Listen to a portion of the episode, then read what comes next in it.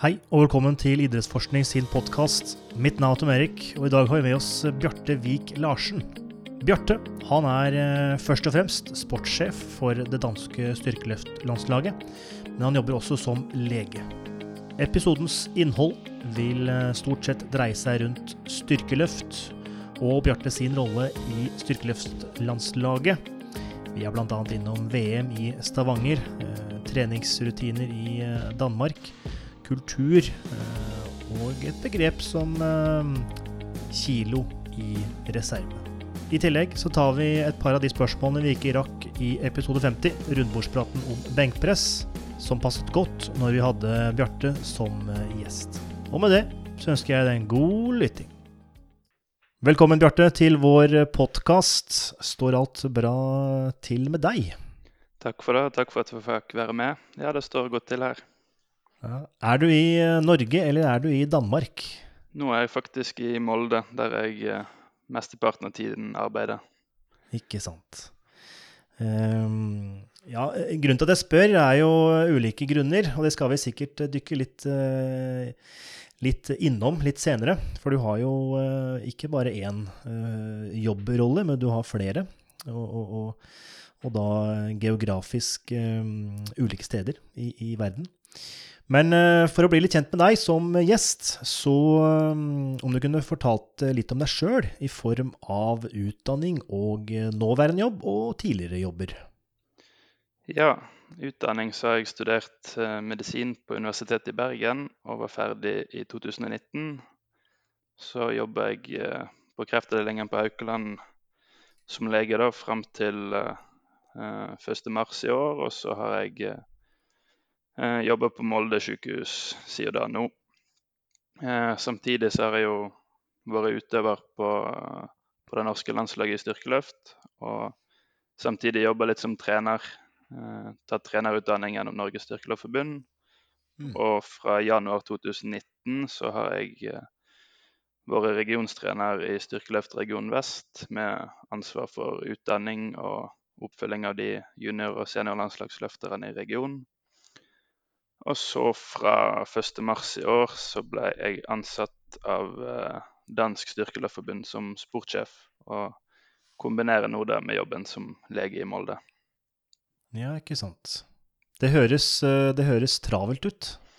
Det er travelt, så det må en del planlegging til for å få det til å fungere optimalt. Men eh, det har gått veldig bra så langt. Ikke sant. Eh, sportssjef er jo, så vidt jeg veit, jeg er litt usikker, muligens ikke en tittel det norske landslaget i styrkeløft bruker, men eh, hva innebærer det å være sportssjef? Altså, er det kun å følge opp landslagsutøverne, eller er det mer enn som så? Ja, jeg ser på den sportssjefjobben litt som tredelt. At uh, det ene går på å følge opp uh, uh, forbundet, da, og mer bredden. Fokus på utdanning og struktur og strategi for å utvikle hele forbundet. Mm. Og så en del av stillingen er å være landslagssjef, litt tilsvarende det som er i Norge. Med fokus på administrasjon av, av det danske landslaget, da, og eh, ta ut landslagstropp, ta ut tropp til de ulike mesterskap, eh, planlegge hvilke trenere som skal være med, osv. Mm. Og så en bit som, som landslagstrener, da, som går mer på treningsoppfølging av eh, de beste utøverne, da de som er gode nok til å være på, på landslaget. Og så Mm. å være med på, på de internasjonale mesterskapene som hovedtrener. Mm, mm. Og det skal vi, altså Apropos internasjonale mesterskap, det skal vi komme litt tilbake til i forhold til VM i Stavanger, som nettopp har vært. Eh, Men du er også lege i Molde, slik jeg har skjønt det. Eh, Er du da allmennlege, eller er du en spesialist i noe?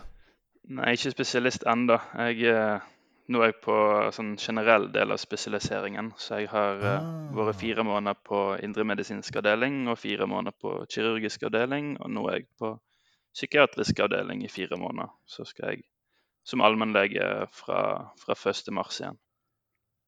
Ok, Så det er riktig. Mye, mye forskjellig og nye inntrykk og ting å lære seg. Ja, ikke sant. Ikke sant.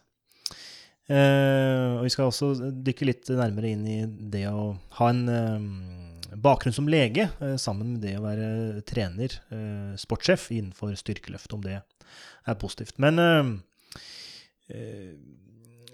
dette med mm, valget av Danmark, eller det danske styrkeløftlandslaget, dette, var det tilfeldig? Var det kjæreste som bodde der, eller hvordan skjedde dette? Eh, jeg har jo jobba mye med styrkeløft hele tida og vært interessert i det.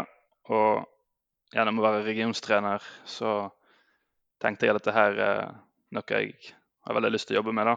Og på en måte når jeg fikk jobbe med de på høyt nivå og være med til internasjonale stevner, så ga det veldig mersmak.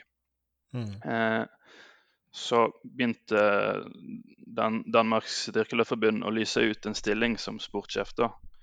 Mm. Eh, så det ble lyst ut på danske forbundet og på både internasjonale og europeiske forbundet sine sider.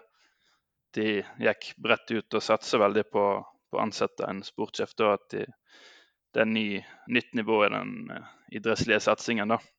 Mm. Så det, det, hørtes veldig spennende ut. Så da tok jeg sjansen og, og søkte på den. da. Og så var jeg heldig og fikk komme til intervju, så òg ha gått veldig bra, da. Mm, mm. Ja, absolutt. Det, det, er alltid gøy med nordmenn i utlandet, i ulike posisjoner. Det er trener eller forsker eller uh, ulike ting. Uh, for det gir jo uh, det, Altså, du kommer jo fra åpenbart Norge, men du har også vært utøver, som nevnt, i det norske landslaget. Og ta med deg det perspektivet. men dette med det danske og det norske landslaget, for du har jo vært en del av det norske landslaget og nå en del av det danske. Altså, er det noe, er det noe skiller her i, i, form av kultur, treningsrutiner, eh, måten man lærer bort eh, osv.? Er det noe forskjell? Ja, jeg var jo på juniorlandslaget fra 2016 til 2017, og så var jeg på seniorlandslaget i 2018 før jeg eh, ga fra meg plassen pga. for mye skade. Men uh, mm.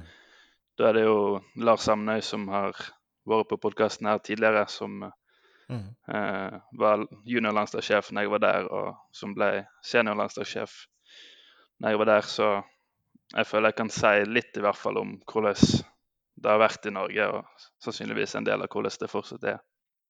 Uh, ja, jeg tenker den største forskjellen er egentlig at ting har kommet lenger i Norge. da, At det er mer mer profesjonalisert og et høyere nivå på de tingene som blir gjort. Det blir òg reflektert i resultatene på, på mesterskap både nå og, og de siste 10-20 årene. Eh, akkurat nå så blir nok ting gjort mer likt i Norge og Danmark. For jeg kommer jo med et litt norsk perspektiv, selv om jeg prøver å gjøre det enda bedre enn det som blir gjort i Norge akkurat nå, da. Ja, ja, absolutt. Er det noe ehm, Er det noe ehm, eh, Passer eh, den norske stilen du kommer med, eh, med de danske løfterne og, og de andre danske trenerne? Ja, det syns jeg. Eh, det var viktig å prøve å bruke de ressursene som var der allerede når jeg kom. At ikke alt blir skiftet ut på en gang. Men det er mange flinke trenere rundt, rundt landslaget som har et lignende syn på ting. At de bruker forskningsbasert kunnskap, og de har god erfaring med enten styrke, styrkeløft med utstyr eller styrkeløft uten utstyr. Så det, det er på en måte ikke en stor kulturkrasj, selv om vi selvfølgelig gjør ting litt, litt, forskjellig. Men det er det jo innad i et team òg. Ja, absolutt. Eh, jeg tror, jeg tror, kanskje det er mer å hente ute i klubbene. da. At eh, de som er rundt rundt landslaget er mer på samme, samme plan, men så prøver å heve utdanningsnivået eller kompetansen ute i, ute i klubbene, sånn at uh, nye, nye løftere som kommer inn, og løftere på alle nivåer, kan få så god oppfølging som mulig. Det tror jeg blir mm. viktig. Mm. Fordi har du, har du, et inntrykk allerede om hvordan det står til i de ulike klubbene rundt om i Danmark? Altså er det, er det en mindre Hva skal jeg si Mindre utdannet gjeng, da, eller at de har de har trenere, men de har kanskje ikke den bakgrunnen som trengs for å løfte løfterne, løfte, løfte løfterne opp til et internasjonalt nivå. Det, er, det, er, veldig forskjellig. Det finnes absolutt veldig gode trenere der ute. Men uh, i Norge så fikk de jo bygd opp en god trenerutdanning med, med Dietmar i spissen. Så det var mer strukturert og fokus på den utdanningen gjennom, gjennom uh, Styrkeløftforbundet. da. Mens i Danmark så har han vært mer avhengig av å lære seg ting sjøl, eller bare høre på de rundt en. Så da kan det være veldig forskjellig hva som blir praktisert. Ikke sant. Så jeg arbeider jo nå med å utvikle, utvikle trenerutdanning som skal være veldig oppdatert og sannsynligvis kunne løfte trenerne, og igjen løfte løfterne. Mm, mm. Absolutt. Um, og dette med utøvere og løfte tungt og mye Um, bringer oss videre til VM i Stavanger. Uh, der sikkert dere i forbundet og, og dere som er trenere og, og, sjefer, har satt noen interne målsettinger. Altså uh, Hvor godt fornøyd er uh, det danske styrkelandslaget i, eller med VM i Stavanger? Jo, jeg er veldig godt fornøyd med, med VM i Stavanger. Det det gikk egentlig så godt som jeg kunne håpe, og enda litt bedre. Ja. Eh, totalt sett så ble, ble kvinnelaget nummer tolv i altså lagkonkurransen med like mange poeng som nummer ti, og herrene ble nummer 14.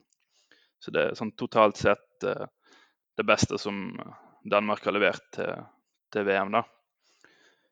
Eh, vi har en målsetning i den strategiplanen vi har laga nå for eh, 2022 til 2025 at vi skal være blant de ti beste nasjonene til, til VM og blant de fem beste til EM. Så, mm. så, vi begynner å nærme oss den målsetningen, da.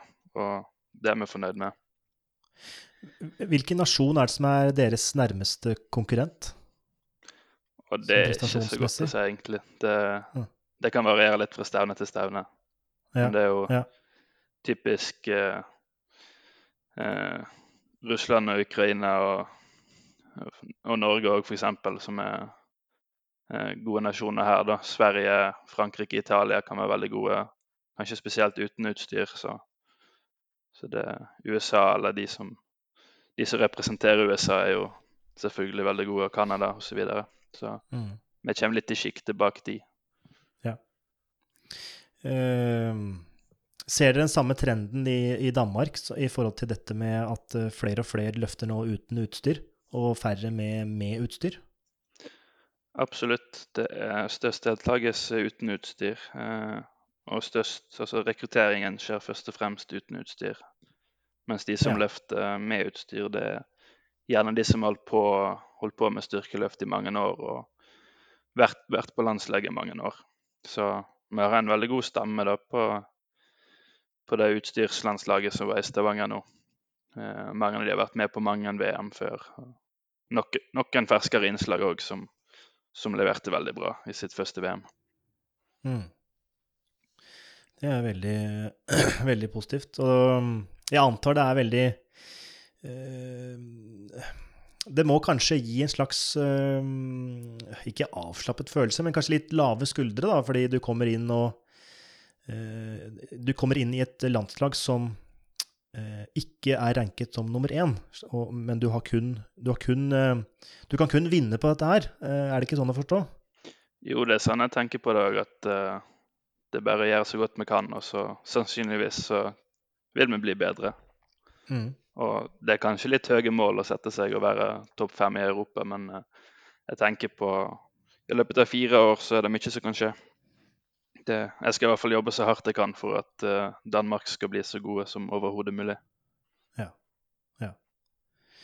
Eh, er det noen eh, også Hvis du skal på en måte klassifisere litt prestasjon her, er, så er det um, på herresiden, kvinnesiden, er det de tyngste, de letteste løfterne som Danmark presterer best i? hvor er det på en måte de høyeste prestasjonene ligger hen, vil du si? Eh, nå på VM i Stavanger så hadde vi Nikke Lenz i 93-kilosklassen for herrer som eh, var den beste. Han eh, kom på femteplass i en veldig sterk klasse. Han tok gull i, i, knebøy og satte verdensrekord, som han har fra før. Men den ble underkjent av juryen i etterkant. Men han fikk i hvert fall gull der. Og så fikk han så mange poeng at han uh, ligger Altså det, de seks uh, De tre som tok medalje på, i hver vektklasse på VM i Stavanger, er direkte kvalifisert til World Games, som er på en måte styrkeløftens OL, da, som skal holdes i juli neste år. Men pga. hans høye poeng, så er han den, altså, Da er det seks To vektklasser blir slått sammen til én vektklasse på World Games. Så Det, okay. Og det er tolv plasser i en sånn World Games-klasse. Så da er det seks som er direkte kvalifisert, og han er nå faktisk nummer sju pga. Ukraina ikke kan ha altfor mange med. Det er sånn nasjonskvote. Oh, ja. Så, så han, han, ligger veldig godt an til å komme med til World Games, og det har, eh, så vidt meg bekjent, Danmark bare hatt én løfter med tidligere. Det var i 2013. Mm. Eh, jeg, ser på, jeg, ser på, lista nå, så jeg ser at det er ganske hard konkurranse hvis man ser på IPF-poengene her. Mm. Eh, for han har jo 102,17. Det stemmer. Um, og hvis jeg ser på de andre klassene her, så ser jeg at uh, tredje, eller fjerdeplassen og nedover alt stort sett har under 100, ser det ut til. Mm. Ja. Så det er vel kanskje den tøffeste klassen på herresida, ser det ut til. Ja, det... Altså, minus 120 er også ganske tøff. Mm. Riktig. Ja, det kan variere litt fra stevne til stevne, men det er i hvert fall uh, godt nivå i den klassen. Ja, absolutt. Uh, så det, det, var den høyeste prestasjonen. Men det var nok først og fremst at vi var veldig jevne. At uh, vi hadde med ti løftere, sju damer og tre herrer. Og alle ble da mellom nummer fem og nummer elleve. Så det, det er godt. Fikk vi sanka, litt poeng i lagkonkurransen. Og så det var jo spredning. Vi hadde med løftere fra minus 47 kvinner til pluss 84 kvinner. Så det Og de leverte. De, de ble vel nummer sju sammenlagt, både i den letteste og tyngste klassen. Så jeg føler at det kanskje ikke er én vektklasse eller, eller ett uh, det kan være, Vi er bedre representert uh, blant kvinnene, da, men uh, vi er i mange forskjellige vektklasser. Men uh, det en så, var at Danmark kanskje er best i markløft, da, for det er der en tok de fleste medaljene våre. Ja, riktig. Veldig bra. Som den tidligere, så har, du, har du en bakgrunn som lege, og jobber som lege. Vil dette også, Hvordan påvirker din bakgrunn som lege din på en måte approach eller tilnærming til din stilling som sportssjef, trener for det danske styrkeløftlandslaget? Altså Endrer det noe eh, ditt perspektiv, hvordan du gjør ting? Eh, passer du på at eh, treningsbelastningen er optimal, slik at det ikke oppstår skader som du kanskje har, litt, har et erfaring med? Eh, eller ja, hvordan eh, Er det noen fordel å være lege? Eh, det var et veldig stort spørsmål, men sånn, til, til, avslutningen med en fordel, så vil jeg i hvert fall si ja. Det, ja.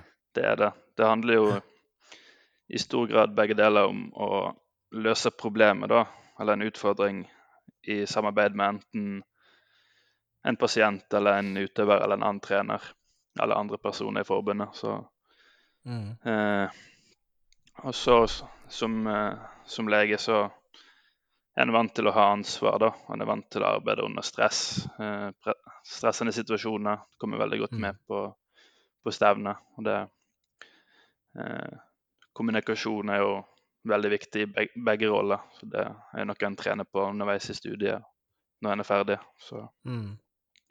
så jeg tror absolutt det er en fordel. Og eh, den måten en går fram på med at hvis du sammenligner det å være f.eks. fastlege, da, og så å være trener for en utøver, så, så handler det jo på en måte om å få best mulig kommunikasjon og relasjon, og så utvikle den. Og så i fellesskap kunne utforske disse utfordringene og komme fram til, komme frem til løsninger.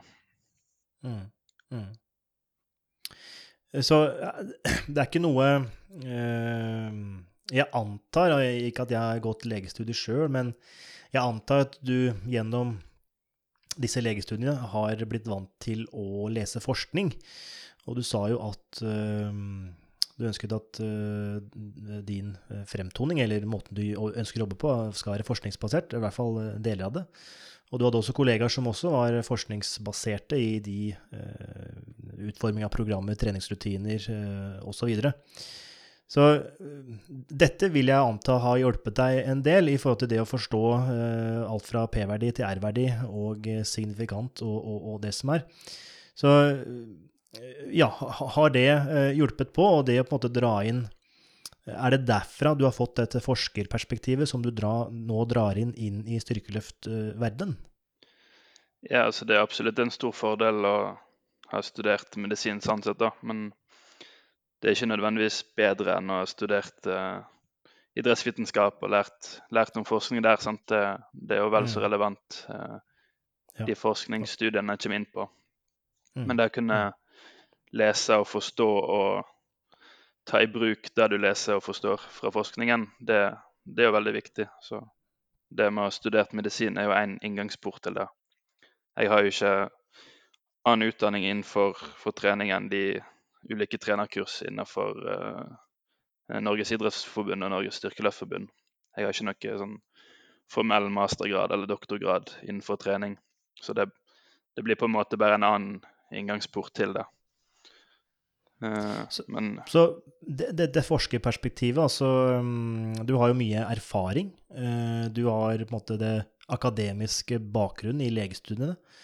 Men som du sier sjøl, altså, du har ikke den uh, akademiske idrettstrenings-bakgrunnen. Ja, men også hvor, hvordan, hvordan, har du tilegnet deg denne kunnskapen om trening, slik at du kan gjøre denne jobben så optimalt som mulig? Jeg har nok brukt like mye tid som en ville gjort på en doktorgrad. da, Med, med å lese og forstå og skrive, produsere ting innenfor treningsvitenskap og sånt. Selv om det ikke har fått en diplom for det. Så det fins jo veldig mye en kan lese på internett. Uh, så hvis en forstår og kan, kan lese ulike enkeltstudier, metaanalyser osv. Og, og bøker, så, så finnes det jo endelig mye kunnskap. Og så håper jeg jo da at uh, min bakgrunn har gjort at jeg klarer å forstå og bruke de, bruke de riktige tingene. Uh, jeg tror jo da å, å være en, eh, en god styrkeløfttrener på, på, høyt nivå handler egentlig om å leve av kunnskapsbasert praksis. Det Bare være så god som mulig på det. Ja, da kommer du fryktelig langt. Veldig godt uh, poeng. Og er det da holdt på å si, ikke, kanskje ikke enkeltstudier eller uh, enkeltbøker, men er det noen som på en måte har fått dine øyne opp sånn rent kunnskapsmessig mest? Altså er det noen uh, altså det, det, man sier på norsk, nei, engelsk 'inform your practice'. altså eller er det bare sånn Ikke random forskning, men er det um, veldig mange artikler som har en måte, hjulpet deg på din vei? Eller er det noen som på en måte Eh, stand out eh, innen forskningslitteraturen, eh, bokmessig eller artikkelmessig? Ja, det er jo sånn enkeltpersoner som kanskje har bidratt mer til litteraturen innenfor for styrketrening og styrkeløft-rettetrening, da. For eksempel så har jeg abonnert på MAS helt fra starten av. Det er jo Eh, Mike Sordos og Erik Helms og Greg Knuckles fra starten av Erik Drexler, som er etter hvert. De har jo veldig mange eh, så kommer hver måned med en oppsummering og tolkning da, av ulike studier. Så det, det, vil jo på en måte være deres bias, men eh, du finner gode tolkninger av relevante studier, og så kan du jo lese de sjøl. Og de Eh, ja, Sordos og Helms har jo eh, mange relevante artikler på eh, strukturering av trening og autoregulering osv. Og så har det jo f.eks. sånn som uh, Girgic og Schönfeldt som på en måte står for nesten alt av uh, metaanalyse på, ja, på I hvert fall feltet. Schönfeld. Mm, det, Han er- de han er havner alltid med. Ja. Og så har jeg alltid vært interessert i formtopping, da, peaking, og hvordan en kan optimalisere eh, prestasjonen på konkurransedagen. Da. Så jeg har jo lest mye av Pr- Pritchard, f.eks., som skrev doktorgrad på peaking. Og så hadde jo Travis nå som eh, snart får publisert doktorgrad, tror jeg. Så det finnes etter hvert mye relevant litteratur på, på styrkeløft og styrkeløft på OK nivå. Så hvis den klarer å forstå grunnprinsippene og så bruker det i sammenheng med sine egne erfaringer som trener og utøver, og utøveren du trener sine erfaringer og preferanser, så kommer du veldig langt. Mm. Men er det noe innenfor styrkeløftlitteraturen du savner, og så, og så tenker sånn at ah, shit, dette skulle de ha funnet ut av eller forsket på, og så dette feltet her vet vi ikke nok om. Ehm, ja, er, er, det, er det noe, et sånt felt som du tenker kunne vært hensiktsmessig for eh, forskerne å, å tatt uh, tak i? Altså Det jeg først og fremst savner, er jo eh, studier over litt lengre varighet og med høyt nok nivå på utøverne. Altså eh, Seks uker er kanskje ikke nok til å si så mye og til å se relevante forskjeller på høyt nivå. Så om en kunne fått studier på 15 eller 30 uker, på, på utøvere som, som er på høyt, i hvert fall nasjonalt nivå, da, så er det mer relevant for den populasjonen jeg trener. Eh, ellers er jeg jo interessert i eh, litt avstand fra failure. Eh, hva RP eller reps reserve en kan trene på, om det vil være noe forskjell. Eh, F.eks. å, å trene en trippel på RP8 og så tre tripler på RP5. Er det noe forskjell for å trene fire tripler på RP6 f.eks.? Om den eh, om toppeksponering der vil bidra til at det blir eh, At du vil bli sterkere. Så Hva tror du? jeg tror jo det gunstig å bli eksponert for eh, litt tyngre og vanskeligere sett. eh, kanskje spesielt for lavreps inn mot konkurranse, da. Du kan se på det som de første repetisjonene i et sett, når du er lengre for feil, så vil du jo produsere mer force, og du vil ha mindre mm. fatigue per repetisjon, så du kan utføre mer arbeid med høy kvalitet. Mens når du Mhm. kommer nærmere feil, så, eh, så vil du bli utfordra mer likt som et maksløft, og så teknikken kanskje vil endre seg, eller det vil skli litt ut. Og potensielt kan du få litt mer eh, hypertrofi, muskel, altså muskelvekst. Så det, det er nok en balanse der. Eh, så at en kanskje i perioder der en fokuserer på grunntrening og muskelvekst, at en holder de lavrepetisjonene med litt, litt lavere vanskelighetsgrad og litt høyere vanskelighetsgrad på volumarbeidet, mens at det kanskje snur seg om i en oppkjøringsperiode. Det, Ok. det bare... Hva legger du i vanskelighetsgrad? Ja, altså I styrkeløft så bruker en ofte sånn gradering av hvor vanskelig et sett har vært. Eh, gjerne i, eh, sett i sammenheng med failure, da. Ja, Den, stemmer det. Altså RPE og RIR, som du nevnte. RPE, ja. Den eh, Altså grad av opplevd anstrengelsesgrad eller vanskelighetsgrad. Så at en RPE som mest relevant eller blir brukt innenfor styrketrening, blir jo da eh, en invers reps i reserveskala. At eh, du altså angir hvor mange repetisjoner du har på tanken. Da vil fem repetisjoner i tanken være et mindre vanskelig sett enn én repetisjon i tanken. Mm.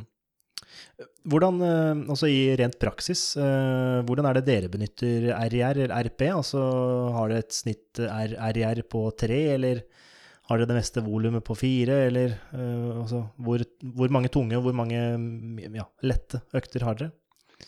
Ja, Det varierer ut ifra utøver og periode osv. Men uh, Mm. mesteparten av arbeidet blir utført med én til fem repetisjoner reserve. da. Ja. Så da tre-fire er vel et godt gjennomsnitt. Mm. Det er vel også en slags infografikk som eh, en eh, Chris Beardsley kom med. eh, Det er vel et par år siden nå. Men der han viste, illustrerte da, så en måte hvis du skal ha effekt av det settet du trener, så er det de siste, ofte, ofte de siste fem repetisjonene som gir effekt. Så hvis du da tar ti repetisjoner, eller ti RM, så er det de siste fem som gir effekt. Og de gir litt eh, logisk Eller det samsvarer med det du sa nettopp, i forhold til én til fem eh, RIR. Ja, og så i styrkeløft så er jeg vel gjerne stolt over å aldri trene mer enn fem repetisjoner. Så hvis du gjør én eller fem, så vil alle du gjør, alltid telle. Jeg tror nok det du er inne på noe der. og Det kommer jo veldig an på belastning som blir brukt. For maksimal styrke så anbefaler en jo ofte 80% eller tyngre. Og da kan en gjennomsnittsperson utføre sju eller åtte reps. da. Og Mm. så hvis en da utfører fra fem-seks reps eller mindre, så, så vil en få godt stimuli der på maksimal styrke.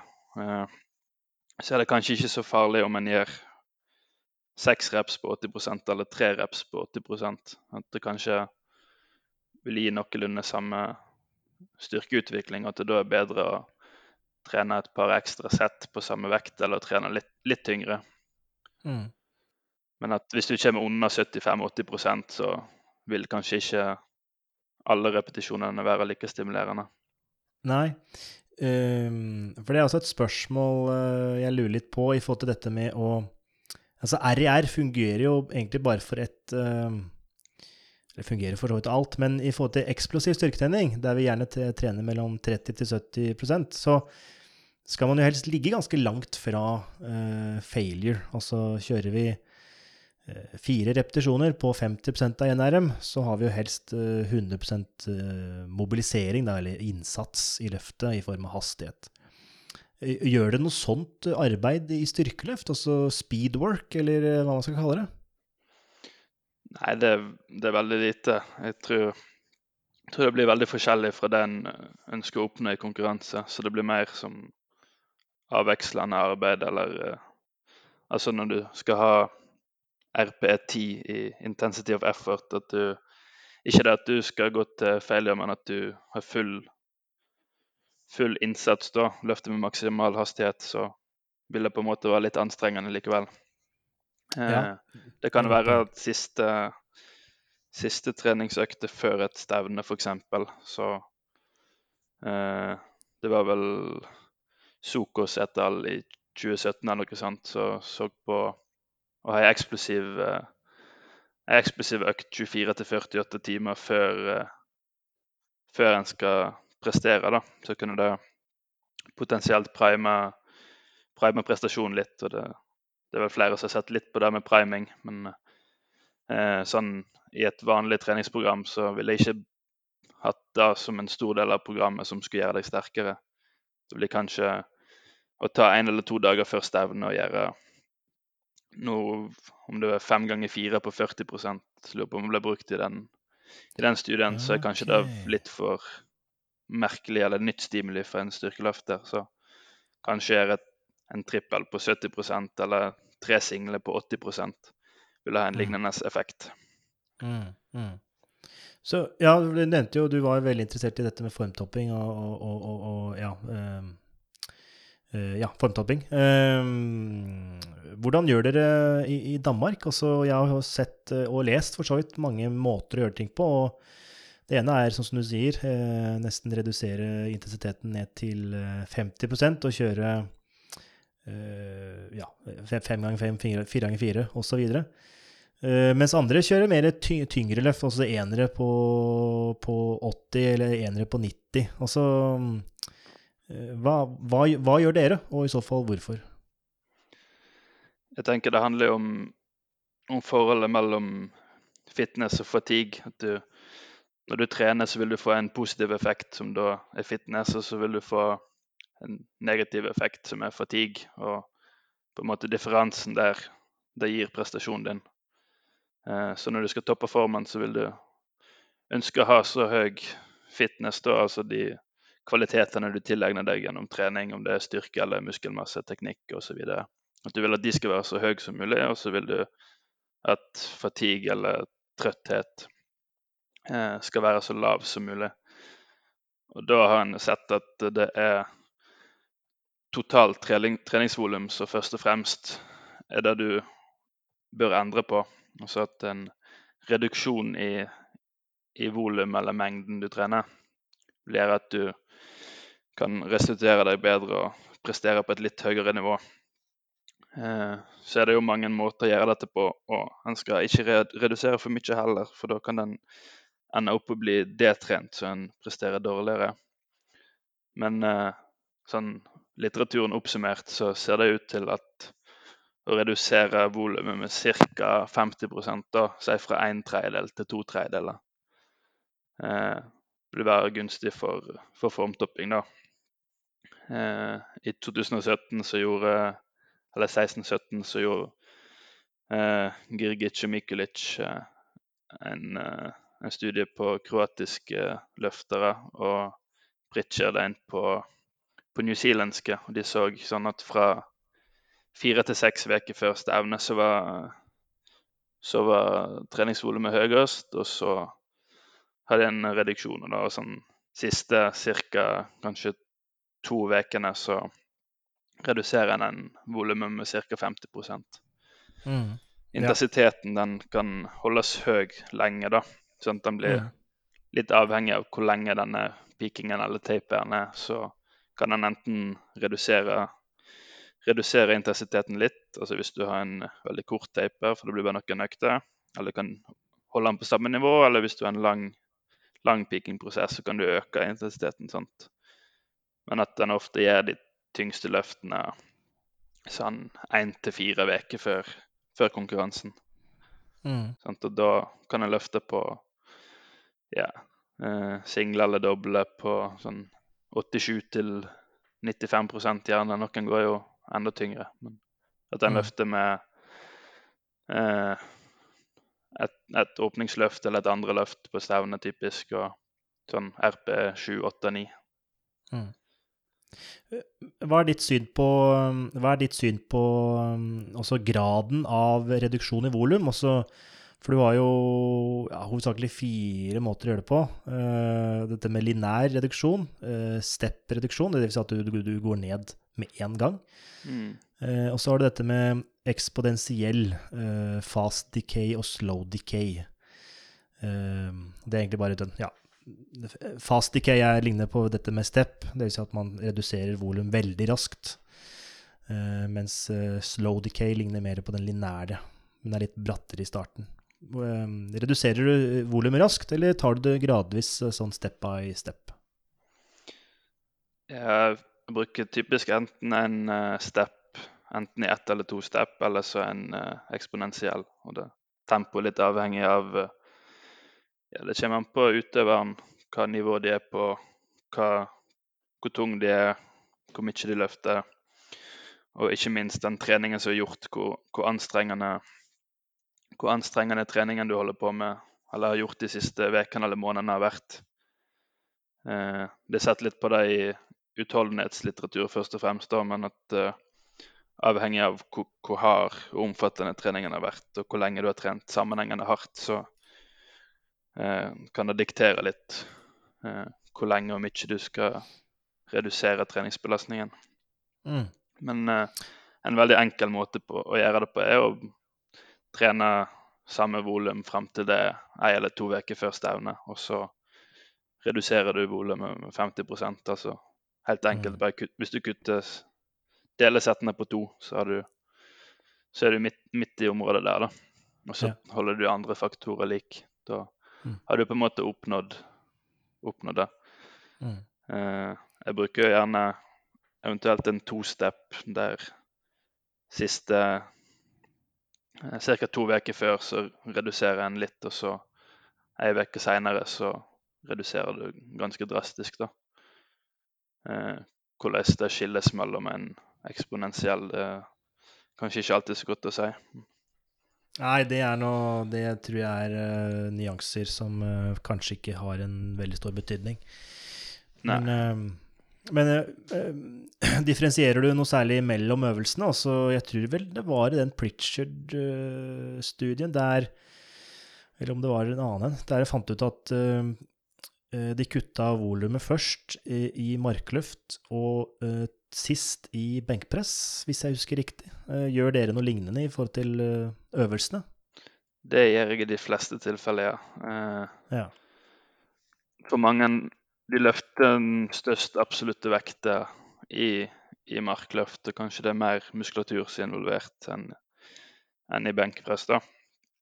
Eh, så jeg tenker at for de fleste så vil redusere markløften tidligst og kanskje i størst grad, og redusere benkpressen senest og i minst grad. ja. Eh, hvis, altså det vil jo selvfølgelig komme an på utøveren hvis du løfter mye mer i knebøy. Eh, eller har forhold som gjør at du restituerer deg dårligere fra knebøy. Eller bedre markløft. Kanskje det er forskjell på sumo og konvensjonell markløft. Kanskje hvis du har utfordringer med grep, at du ikke får løfte så tungt at du belaster eh, altså primærbevegere som eh, sete, hamstring osv. på tungt nok i markløft, så kanskje du må ta siste knebøy lenger før stevne enn siste markløft, eller du må redusere volumet i større grad. Men jeg tror den uh, Pritchell-studien så hadde de vel siste tunge eller tyngste benk ca. sju dager før stevne, og markløft ca. elleve dager før. Så ja, riktig. Mm, det kan være et sånn greit utgangspunkt for de fleste at ja, ta en tung benkpress ca. ei uke før stevne, og tung, kneb, tung knebøy ca. halvannen uke før, og tung markløft ca. to uker før stevne. Mm. Men uh, Mm. det må selvfølgelig tilpasses til den enkelte. Mm. Ja, for har du, har du noen utøvere som på en måte ønsker å trene Eller redusere tidligere, redusere seinere, og har du noen sånne ja, ekstremutøvere som eh, må ha veldig mye hvile, eller uh, kan trene tungt og mye, uh, ganske tett opp mot et mesterskap, f.eks.? Ja, jeg føler det er flere som kan trene tungt opp til mesterskap og holde, holde treningen omtrent på samme nivå. At du ikke gjør så store endringer. Det, det er noen som jeg har opplevd ikke responderer sånn på en typisk sånn, sånn taper. da, At de enten presterer litt dårligere eller det samme som hvis du Mm. bare hadde holdt treningen på samme nivå som til vanlig. Og da vil det jo være minst like safe å bare fortsette treningen på en god måte, det som gir deg en respons og gjør det sterkere. Da kan du bare vedlikeholde det.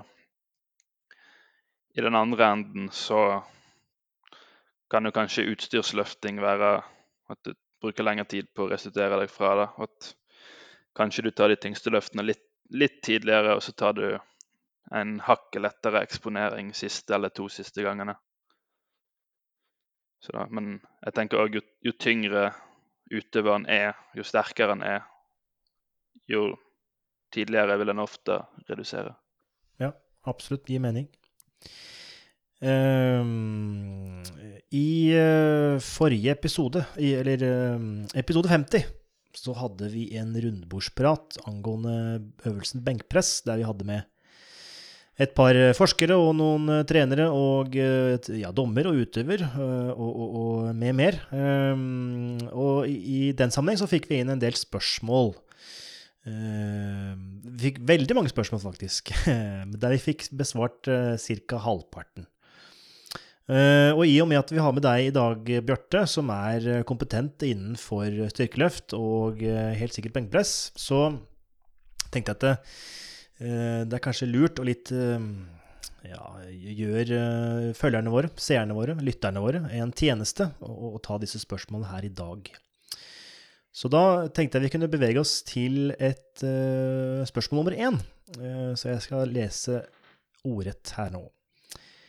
Enkelte kjendistrenere har vært opptatt av såkalte strength ratios, dvs. Si hvor sterk man bør være i støtteøvelse for å kunne bli god i benkpress eller andre øvelser. Vil si, hvis du ønsker å ta 200 kg benkpress, bør du kunne ta en viss prosentvis av det i smalbenk, militærpress, nedtrekk eller rotatorcuff-øvelser. Uh, og så finnes det forskning som sier noe om dette, eller er det ren, ren bro science? Og eh, I din eh, kontekst så kan vi jo spørre, blir dette her eh, brukt i det danske styrkeløftlandslaget? Har dere noe strength ratios? Nei, vi bruker ikke det. Eh, det vil sannsynligvis, eller i de aller fleste tilfeller, så er det jo gunstig å bli sterkere f.eks. i smalbenk da, for en benkpress. Men mm. vi har ikke sånn arbeidskrav at du må gjøre 90% eller 80% eller hva det skulle være. Mm. Det tror jeg er veldig avhengig av utøveren og hvordan de løfter. Det, noen løfter jo tyngst med smalt grep, og noen løfter mye mindre. Mm. Så avhengig av uh, muskelmasse og forhold mellom ulike kroppsdeler og oppspenn osv. Skadehistorikk. Så det er ikke noe vi praktiserer, nei. Det er ikke nødvendigvis at det er ubrukelig, men det er ikke noe jeg har, jeg har brukt eller tror jeg kommer til å bruke. For det er veldig mm, I hvert fall mitt syn på det er at det er veldig friidrettsbasert. Leser man gamle friidrettsbøker, så er det ofte sånn uh, du må løfte så og så mye knebøy eh, for å sprinte så og så mye, eller ja, sånn type ting. Og i vektløfting så har de jo en slags eh, Hiskias eh, Eller kalles Hiskias modell, eller Hiskias eh, ratios. Men hva er på det, hvis vi skal tenke generelt, altså greit nok at det ikke blir brukt, men hva er ditt syn på dette her? Altså det, Tenker du at det er fornuftig å ha sånne type arbeidskrav i støtteøvelser, eller er det litt sånn li, altfor lite verdt til å bry seg om det? i styrkeløftet syns jeg det blir litt uh, abstrakt og irrelevant. Det uh, Altså, hvilken øvelse skal en velge? Det, jeg tenker altså, Du må jo trene de øvelsene som gjør deg sterkere. Du må ikke velge de ut fra at du skal oppfylle en viss ratio. Du skal jo primært trene for å bli sterkere på plattformen. Uh, jeg tenker uh, noe som folk kan ta med seg, er litt hvordan de velger, velger øvelse i et treningsprogram. Eh, det er jo eh, flere ulike grunner til å velge en øvelse, og det vil ofte være et overlapp mellom de faktorene som jeg ser etter. Da. Men jeg tenker ofte nummer én at det, eh, om den direkte forbedrer konkurranseprestasjonen. Altså da trener du knebøy, benkpress og markløft. Det er de vi skal bli bedre av, så selvfølgelig må vi trene de. Så om det har en nevrologisk eller nevromuskulær adaptasjon. altså vi kan bli sterkere av den øvelsen, og vi kan bli sterkere i konkurranseøvelsen. Om det kan føre til strukturelle adaptasjoner som er gunstige. Altså vi får muskelvekst som er relevant for styrkeløft. Om det kan gjøre at vi får bedre teknikk i relevante øvelser. Om det kan være skadeforebyggende eller redusere skaderisiko. Eh, eller om det kan ha psykologisk positive effekter. Altså det er mange ulike grunner til å velge øvelse. og Disse vil ha mange overlapp, da, men at en heller bør velge øvelser som passer seg og den treningen ja. du kan gjennomføre, i stedet for å prøve å passe inn i en boks. Ja, veldig enig. Veldig enig. Og ja. Eh, individuelt tilpasset til eh, selve individet, det tenker jeg er viktig for all trening og ja, all idrett, eh, egentlig. Mm. Eh, spørsmål to. Um, så er det en som spør Jeg har ofte blitt fortalt at man bør løfte med få reps, dvs. Si 1-5 reps, i konkurranseløftene for å holde det sportspesifikk, og ikke risikere å ødelegge teknikken med løfte dårlig, løfte dårlig reps når man er sliten. På den andre siden finner man løftere som f.eks. Josef Eriksson og flere svensker, som ofte gjør reps mellom 10 og 25 i benkpress. Litt usikker om det gjøres i knebøy eller markløft, men det kan vi komme tilbake til. Uh, igjen finnes det en forskning som uh, sier noe om dette her. Fordel, ulempe. Uh, og hva sier trenere slash løftere? Så igjen da, blir dette her praktisert hos dere? det vil si mange reps. Man kan jo se altså Schönfeld har vi nevnt, og han har jo funnet ut at mange reps, type 20-30, er gunstig for hypertrofi, og vi vet at hypertrofi og dette med muskelmasse er viktig i styrkeløft så blir det praktisert hos dere, dette med mange reps? Eh, det blir egentlig praktisert relativt lite med sånn i hvert fall 15-25 reps i hovedøvelser, sånn som eh, Josef Eriksson og eh, en del andre svensker som sikkert primært blir, blir trent av han. Det, det, bruker vi lite, men kanskje spesielt i benkpress, litt mindre i knebøy og markløft, så bruker vi en del si fra seks til ti-tolv reps, da. Så eh, ikke fullt så mange repetisjoner, men litt, litt høyere, da. Eh, hvis du ser i litteraturen, så viser jo de fleste studier at det er mest effektivt for, for maksimal styrke å trene med færre repetisjoner da, og 80% eller tyngre vekt. Du har jo eh, f.eks. Schjønfeldt da gjorde en eh, tre ganger ti mot sju ganger tre, som skulle være relativt volumkontrollert. At du kan få samme muskelvekst med, med få reps, da, men uh, bedre utvikling av maksimal muskelstyrke. Uh, og så Ja, du har sett at uh, trening fra 30-40 og oppover vil gi ca. samme muskelvekst på per sett-basis, da, eh, så lenge du tar det relativt nærmt feil. Så er det, det er jo positivt å utvikle den muskulaturen. Eh, jeg vet ikke akkurat hvorfor det ser ut til å være såpass effektivt i benkpress. Eh, det kan være at det er mange sterke svensker som ville blitt sterke uansett, men det ser ut som at det kan ha absolutt noe for seg å trene med, med en del repetisjoner i, i benkpress.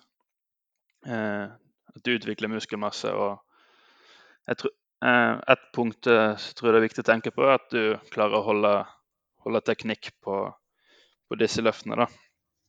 Ja. Jeg har sett litt på i benkpress at når du løfter på på relativt lave belastninger så løfter du mer rett opp enn at du skyver bakover, kanskje som du ville gjort på okay. en sånn omvendt, omvendt J, som de snakker så fælt om.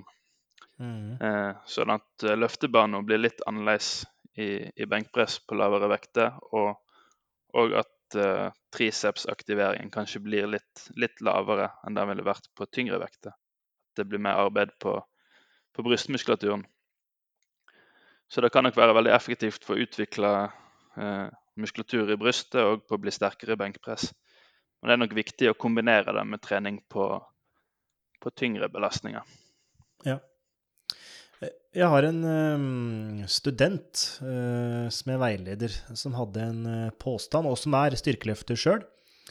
Uh, det tror du veit hvem det er, men jeg kommer ikke til å nevne navnet hans. Men uh, han mente at i hvert fall norske styrkeløftere, og kanskje styrkeløft i generelt, trener for lite hypertrofitrening.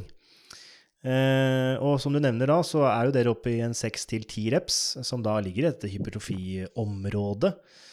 Eller sweet spoten, eller hva det var du vil. så er du enig i den påstanden den studenten kommer med? Altså trenes det for lite mangreps, mange reps, eller dette med hypertrofi, da, som du nevner, 6-10 repetisjoner?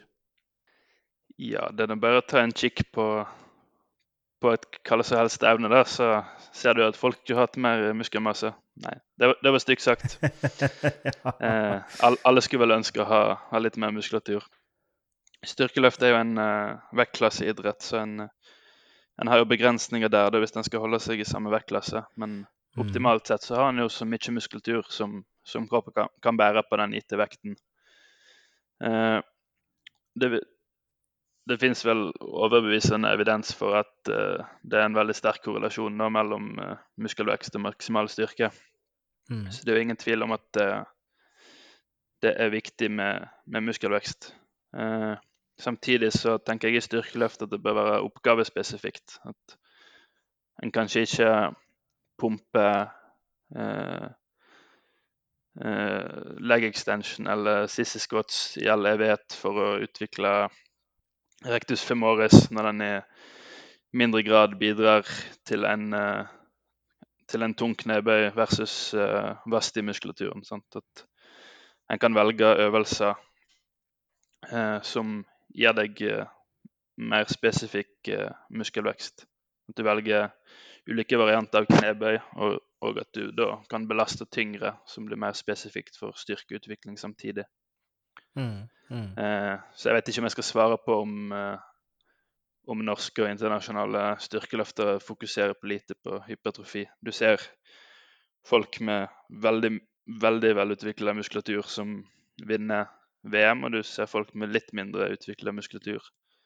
Eh, men absolutt eh, jeg tror det kan være viktig å fokusere på, Eh, og spesielt for folk som kommer inn i styrkeløft, så bruker lang tid på å utvikle teknikk og på å utvikle gode treningsrutiner og bygge opp muskulatur i hele kroppen, Mm. i stedet for å makse ut og brenne ut for fort. Mm. Mm. Jeg vet ikke hva du tenker. Nei, hva jeg tenker øh, Nei, jeg, hva, jeg husker ikke helt hva jeg svarte studenten, men øh, jeg øh, ble jo litt sånn som litt sånn, samme som deg, at det må, først og fremst må treningen være spesifikk, og det å løfte på forholdsvis trege hastigheter Eller trege hastigheter, med, og når det ikke er øh, Ja, om det er rundt 80% eller øh, 85 så må det jo være spesifikt, oppgavespesifikt, som du nevner. Og eh, jeg tenker at hypertrofi kan prioriteres i enkelte perioder når man trenger det, og, og, for det individet som trenger det, eh, hvis man stagnerer eller eh, når et platå der man ikke kommer seg vekk fra og trenger litt ekstra muskelmasse. Men det er jo en constraint eller begrensning er også disse vektklassene, som gjør at du må enten ta valget om å komme deg opp en vektklasse, eller prøve å holde deg nede. Og hvis du skal øke muskelmasse, så må noe ned. Og da er det ofte fettmasse som må ned. Og det trenger jo ikke nødvendigvis å være negativt, men det kan jo være det hvis du har lite å ta av fra før av. Mm. Så ja. Så Nei, det er, ikke, det er, nok ikke noe eh, svart-hvitt-svar her, eh, og det er vi heller ikke ute etter. Eh, men at enkelte styrkeløftere kan trene mer hypertrofi og ha gevinst av det, det er nok uh, tilfellet. Men uh, hvem det gjelder for, og uh, hvem som skulle trenge det, det må nok vurderes eh, for hver enkelt, eh, tenker jeg. Ja, så ser du i mange studier at eh, så lenge du gjør ganske mange sett, så kan du trene med få repetisjoner og utvikle mye, mye muskelmasse. Ja, Så Absolutt. at du skal trene for muskelvekst, betyr ikke at du må trene med 15 repetisjoner. Du kan fint trene med fem repetisjoner, Mm. så lenge du oppnår et tilstrekkelig totalvolum, og at du har eh, øvelser som belaster eh, et fornuftig, fornuftig rom, og du tar setten til eh, tilstrekkelig anstrengelsesgrad. Mm, mm. Eh, dette med mm, utstyr, og da tenker jeg ikke på benkeskjorte og knebøydrakt og den slags, men jeg tenker på eh, strikk, altså treningsstrikk, jeg tenker på kjetting, eh, eh, kloss, altså ja, markløft fra boks eller oppå boks. Hvor mye blir sånne utstyr brukt i det danske? Fordi vi hadde jo en studie med Matthew Shaw som førsteforfatter, der vi undersøkte norske styrkeløfter sine treningsrutiner. Og Der fant vi at eh, det ble brukt en del strikk, eh, altså elastiske bånd. Eh, Blir det i like stor grad brukt hos det danske landslaget? Jeg husker godt den studien deres. Jeg, jeg deltok faktisk i den sjøl. Svarte på, Ja, så bra. svarte på skjema. Mm, Ja, perfekt. mm. Eh, det blir brukt en del. Jeg bruker det og har brukt det relativt mye i mine program. Mm. Eh, jeg, jeg tenker gjerne å gå tilbake med det jeg sa tidligere om hvorfor vi velger en øvelse. At du må ha reflektert litt over det eh, før du kaster på alle mulige strikk og kjettinger. Men eh, eh, kanskje først og fremst i benkpress. da. Det kan være for det er en øvelse som blir trent ofte i mine program oftere da, enn knebøy og markløft. At du har flere eksponeringer per uke. Da kan du tillate deg litt større variasjon. Ja, det er et Jeg, veldig godt jeg har brukt det i, i knebøy og markløft òg. Eh, strikk eh, spesielt, da. Eh, I benkpress så eh, bruker jeg strikk både feste nede og feste oppe. Eh, begge deler kan jo være kan jo være gunstig. Jeg tenker eh, Å feste strikk oppe, så kan du ha på mer vekt enn det du egentlig er god nok til å løfte. Så det kan eh, I tillegg til å utvikle styrke, så kan det være bra for det psykologiske at du kjenner at du klarer å håndtere tyngre vekter. Så det kan være fint å Mm. bruke i perioder opp mot stevne. Ja, det er et godt poeng. I tillegg Mhm. så vil jo begge øvelser avlaste, eh, avlaste bryst og skuldre i, i bunnposisjon. Så det kan Ja. på en måte se på som skadeforebyggende eller en mer skånsom variant. Så det er noe jeg bruker i perioder der folk har eh, kanskje litt såre skuldre eller, eller bryst. Mm. Eh, Samtidig også en strikk festa oppe. Hvis du fester den oppe i rekket i et sånt konkurranserekk, så vil du på en måte bli dratt litt bakover eh, i presset. Så kanskje du kan få innarbeidet teknikk. Det kan jo selvfølgelig bli overkompensert og virke den andre veien, men det er flere aspekter som spiller inn der. Benkpress til kloss eller spotopress eller benkpress til pinne, som er litt samme bruksområde òg, vil jo avlaste i bunnen. sånn at du sparer den siste range of motion og potensielt sparer skuldre og brystmuskulatur litt. Så hvis du trener ofte eller mye, så kan sånne varianter være fine å bruke. Absolutt, absolutt. Eh, greit. Da tenker jeg vi beveger oss til spørsmål uh, nummer tre. Eh, og spørsmålet handler egentlig om uh, friidrett, og da gjerne kastidretter. Uh, og jeg følger en svenske, jeg husker ikke helt hva han heter, men jeg tror han er kulestøter Nei, diskoskaster. er Stål. Stål, ja. Ja, riktig. Stemmer. Han er jo helt ekstremt uh, sterk. Uh, og Og så er Burde styrkeløftverdenen promotere eller eh, markedsføre seg sjøl sterkere inn mot friidrett og kastidretter, i og med at de, eh, de kan potensielt bli veldig gode, og så er det en Hva skal jeg si? Idé. Hva, hva tenker du om det? Nå må ikke du avsløre planene mine nede i Danmark om å rekruttere hele, hele friidrettslaget med kulestøttere og diskuskastere og sleggekastere.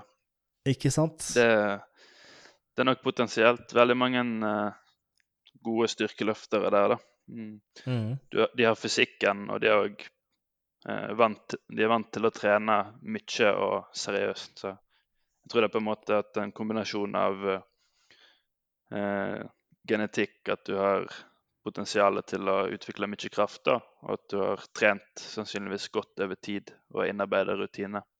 Mm. Så jeg tror det er veldig godt potensial hvis en klarer klarer å rekruttere, rekruttere, blant de kastutøverne som enten eh, gir seg med kasting eller har lyst til å synes det blir gøyere med den styrkebiten av treningen enn det kastspesifikke. Ja, for det er jo nesten eh, Kanskje ikke alle intervjuer har lest, men eh, Eh, mange av intervjuene med ulike styrkeløftere, i hvert fall her til lands, er litt sånn at jeg starta som eh, skøyteløper eller fotballspiller, og så ble jeg skada. Og så begynte jeg med styrketrening. Og så falt, fant man kjærligheten for, for styrkeløft. Og eh, man kan jo håpe da på at uh, kanskje danske kastere de uh, vil jo ikke ønske at de blir skada, men uh, kanskje det kan være en inngangsbillett til at de starter med styrkeløft og kan ta sitt styrketalent videre i den. Eh, den idretten. Det hadde jo vært, eh, vært, noe. Så kanskje du skal luske litt rundt på friidrettsstadionet rundt om i Danmark og slå bein på de, eller ja, et eller annet. Det høres ut som en plan. Ja. Det er nok mye å lære av, eh, av, den treningen de gjør òg, og den innsatsen de legger ned. Det ja, for de er jo helt sinnssykt sterke. Eh, og før vi slo, slo, eh, Hva skal jeg si eh, Før vi tok opp, så sa den også noe om at det var noen norske friidrettsutøvere som også konkurrerte i styrkeløft, iallfall i NM. Ja, Ola Isen husker jeg var med på junior-NM. Jeg tror han dro norgesrekord i markløft for junior. så... Ja, ikke sant. Han er jo på høyt internasjonalt nivå i diskos, så det det finnes de talentene i, i Norge òg. Men ja, jeg skjønner sant. jo at de prioriterer andre, andre, idretter. Ja, det er jo klart. Uh, det kan være mer eh, penger der, og sikkert eh, ja, uh, veldig kjekt det, å holde på med òg. Ja, det Det er jo litt, uh, kanskje litt trist, men fordi i hvert fall Nå vet ikke jeg helt, da, men utad så virker det som det er lite penger, i hvert fall for utøverne, innenfor styrkeløft. Eh, og har det forbedret seg i løpet av årene? Fordi jeg føler at det, dette med styrketrening og derav styrkeløft har blitt mer og mer populært, eh, og har da pengene kommet eh, med også? Ja, jeg tenker i, i Norge så var vi jo heldige når jeg var på landslaget. Så ble jo alt av mesterskap og sånt dekka, så du får jo reist rundt i verden og konkurrert gratis, da. Selv om du ikke får lønn. Eh, det er jo ytterst, ytterst få personer i verden som tjener veldig mye penger på selve løftingen sin. Nå kommer det jo enkelte stevner med, med pengepremier, sånn at en kan tjene litt på det. Men jeg tror, tror det først og fremst er gjennom eh, eh sponsorer og sånt at de, at de, får det til å gå rundt. Så ja. det er jo ikke en lukrativ idrett sånn sett. Nei. Det er jo Det er vel få idretter dessverre i verden som er lukrative. Det er eh, kun de aller, aller største. Mm. Uh, men ja. Det var vel egentlig det. Uh, jeg føler at vi nærmer oss slutten på praten vår, Bjarte.